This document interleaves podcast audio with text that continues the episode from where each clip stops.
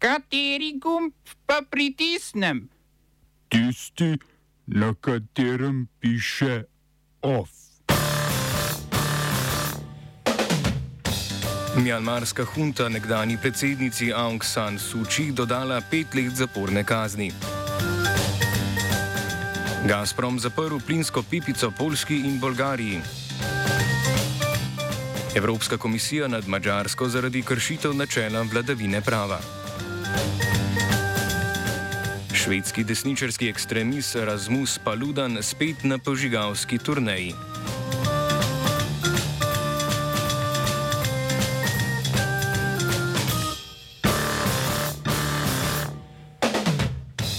Mjanmarsko vojno sodišče je nekdani predsednici in vodji opozicije Aung San Suu Kyi izreklo novo petletno zaporno kazen zaradi domnevne upletenosti pri podkupovanju predsednika rangunske regije Fjoja Mintheina. Sodišče je v izreku navedlo, da je Suu Kyi pred letom dni poskusila podkupiti Mintheina s približno 550 tisoč evri v obliki več kot 11 kg zlata, ki bi jih predsednik dobil v zameno za politično podporo. Sodni postopek je potekal za zaprtimi vrati v prestolnici Nep-Jido, trajal pa naj bi zgolj nekaj minut, saj je predsedujoči sodnik na obravnavi zgolj prebral že vnaprej ugotovljen sklep sodišča. Suči je tako skupno obsojena že na 11 let zapora, a jo na sodišču čaka še 16 obravnav z največjo možno skupno zaporno kaznijo do 190 let. Vojaška hunta je v Mjanmaru oblast prevzela pred slabim letom, prevzemu pa so sledili množični protesti in aretacije vidnejših voditeljev opozicijskih strank.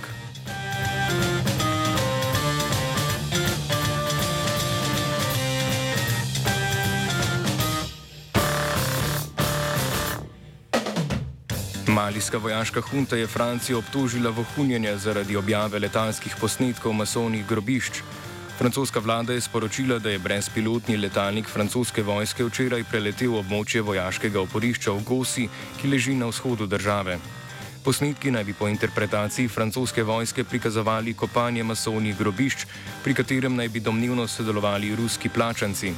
Francoske oblasti domnevajo, da naj bi malijska vlada poskušala ruske plačance prikazati kot francoske. Malijska vlada očitke zanika in dodaja, da je francoski letalnik ozemlje preletel ilegalno. Uradni govornik malijske vlade Abdulaje Naiga je dodal, da naj bi Francija z objavo posnetkov želela za pokol okriviti malijsko vojsko. Objava posnetkov je tako še dodatno zaostrila že tako napete odnose med Parizom in Bamakom. Hunta je v Maliju prišla na oblast po državnem udaru leta 2020, državo pa že dlje časa obremenjujejo islamistične paramilitaristične skupine. Francija, ki je v Maliju do nedavnega imela veliko vojaško prisotnost, je razglasila postopen umik vojske. Dokončno pa naj bi Mali zapustili do poletja.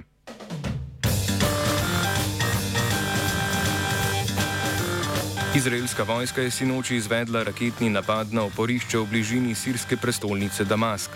Po navedbah sirskih državnih medijev se je napad pričel nekaj ur po strmoglavljenju izraelskega brezpilotnega letalnika nad Sirijo. Izraelske rakete so poleg vojaških oporišč zadele tudi tamkajšnje mednarodno letališče in južne predele mesta. Izraelsko obrambno ministrstvo napadov ni komentiralo. Izrael je zadnji napad na tem območju izvedel pred dvema tednoma, ko je bombardiral vojaška oporišča okoli Damaska.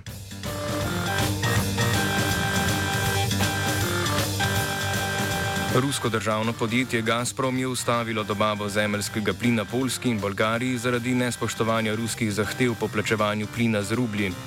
Poljska ministrica za podnebje Ana Moskva je sporočila, da se je dobava plina prenehala približno ob 8. uri zjutraj, kar so tudi napovedali v Gazpromu, vendar je zagotovila, da so polske rezerve zemljskega plina dovoljšne. Ministrstvo je izdalo podatke, da so polske plinske rezerve, ki v celoti znašajo slabe 4 milijarde kubičnih metrov plina, trenutno na 76 odstotkih, v primerjavi s slabimi 40 odstotki lani. Poljska na leto sicer porabi približno 14 milijard kubičnih metrov zemljskega plina. Oblasti v Varšavi so dodatno pojasnile, da bo Poljska primankljaj plina lahko nadomestila s plinovodom iz sosednje Nemčije in novim plinovodom iz Litve, ki naj bi začel delovati 1. maja.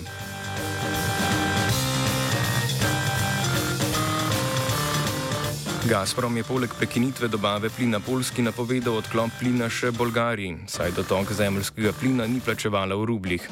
Po poročanju medijske agencije Euractiv se zaprtje plinovoda še ni zgodilo. Bolgarija namreč plin iz Rusije dobiva prek plinovoda Turk Stream, ki pa ruski plin dobavlja tudi Mačarski in Srbiji. Zaprtje plinovoda bi tako posledično pomenilo zaustavitev oskrbovanja edinih Putinovih zaveznic v Evropi.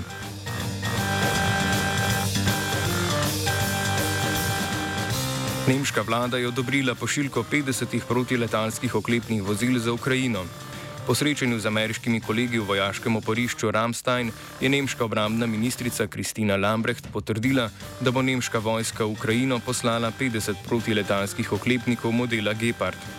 Gre za protiletalski sistem nemške izdelave iz poznih 60-ih let, ki je oborožen s protiletalskimi topovi in raketami Stinger, ki jih ukrajinska vojska že uporablja. Težko pričakovana odločitev nemške vlade je že dlje časa točka spora med strankami vladajoče koalicije. Zeleni in liberalci so socialne demokrate kanclerja Olafa Šolca že več tednov pozivali naj odobrijo pošiljko težkega orožja. Nemška zunanja ministrica Annalena Baerbock je pred slabim tednom na delovnem obisku baltskih držav dejala, da v Nemčiji ni zadržkov glede prodaje orožja.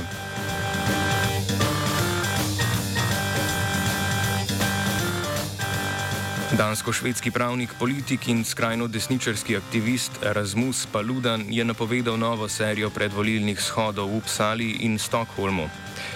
Paludan je pred slabim tednom poskusil organizirati množične islamofobne shode po švedskih mestih, na katerih naj bi udeleženci sežigali izdaje Kora Korana. Ti shodi so sprožili proteste prebivalcev islamske veroizpovedi proti policiji, ki desničarskih shodov v njihovih soseskah ni prepovedala. Pred nekaj dnevi je Paludan švedski policiji prijavil organizacijo shoda za 29. april, vendar mu je ta prošnja zavrnila. Policijska načelnica Zahodne Švedske Emily Kulmir je odločitev utemeljila, da strankina retorika temelji izključno na kaosu in vzbujanju nasilja. Paludanova stranka Štramkurs, slovensko trda linija, se bo udeležila prihajajočih septembrskih parlamentarnih volitev na švedskem, v stranki pa računajo na uvrstitev v parlament. Štramkurs je že sodelovala na parlamentarnih volitvah v Paludanovi domovini Danski, kjer je stranka prejela manj kot odstotek glasov in se v parlament ni uvrstila.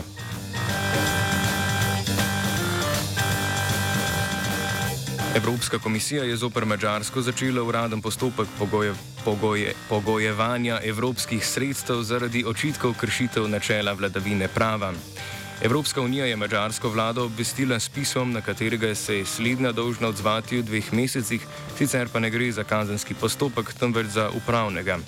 V pismu je komisija zapisala, da kršitve zadevajo predvsem področje javnega naročanja in nadzornih institucij. Poleg tega pa je komisija zaskrbljena zaradi pomankanja inicijative v boju s korupcijo v državi. Če se mačarska vlada na pismo ne odzove, bo komisija vladi poslala novo pismo s seznamom točnih ukrepov, če pa se oblasti v Budimpešti ne odzovejo niti na drugo pismo, bo komisija poslala predlog o zadržanju, zadrža, zadržanju sredstev svetu EU. Oba, če, če bom odgovoril na angliški. Slovenija bo poskušala pomagati. Slovenija bo naredila svoj utmost, da bo rekla, da je situacija naš problem, sami. In bomo naredili nadaljnje korake, as soon as the conditions are. Bomo vlado Marjana Cererera Šarca podprli. Very, very serious. News from Slovenia. We know how and we will.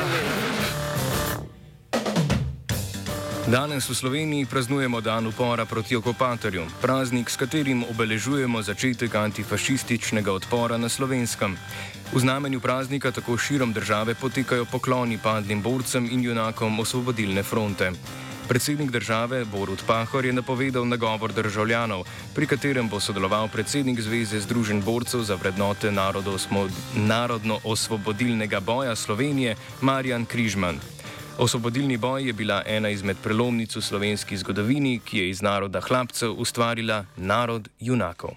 Smrt fašizmu, svoboda narodu. Kdo ne bo spoštoval partizanstva, le kdo? Jo, ja, tiskati tega ne pozna. Of je pripravil vajenec Beno pod mentorstvom Matije.